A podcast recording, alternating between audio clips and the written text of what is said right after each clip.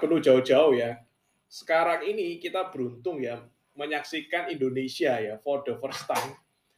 Indonesia itu sudah mulai muncul teknologi-teknologi startup-startup di bidang teknologi yang valuasinya gila-gilaan teman-teman ya.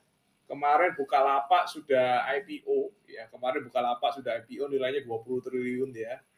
Lalu juga nanti ya akhir tahun ini katanya Goto mau IPO tapi ditunda tahun depan ya, ditunda tahun depan, itu e-commerce juga teman-teman ya. Itu e-commerce juga. Yang menarik adalah ketika itu terjadi ya, ketika itu terjadi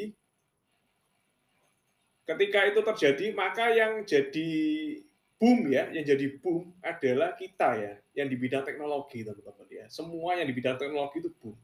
Karena coba bayangin Goto yang valuasinya itu nomor tiga terbesar di Indonesia ya, nomor tiga terbesar di Indonesia. Jadi yang pertama itu Mandiri ya, eh Mandiri bukan Mandiri BCA sama bank apa gitu ya. Yang ketiga baru si Goto ini luar biasa. Jadi ini teknologi dan kita berada di sini teman-teman. Trennya lagi di sini. Nah, anggapannya ketika kita masuk di industri teknologi, saya juga berpikir ya, kenapa juga saya menjalankan ya. Saya berpikir ya, kalau saya masuk bisnis itu paling enggak harus sustain ya dan bertahan minimal 5 sampai 10 tahun ya. Sustain dan bertahan minimal 5 sampai 10 tahun ya.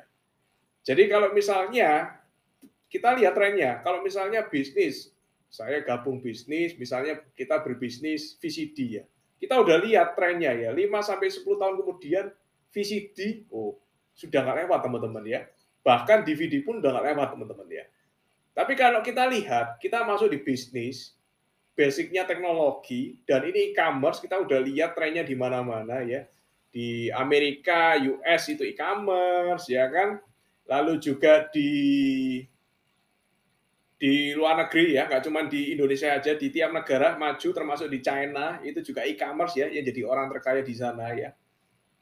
Plus di Indonesia sekarang akan terjadi. Jadi ini sebuah pergerakan ya sebuah wave sebuah gelombang besar-besaran ya. Tinggal kita sendiri ya kita mau ikut gelombang ini ya atau kita cuma jadi penonton saja teman-teman. Ini situasi yang mungkin seumur hidup kita kita merasakan itu cuma sekali doang ya.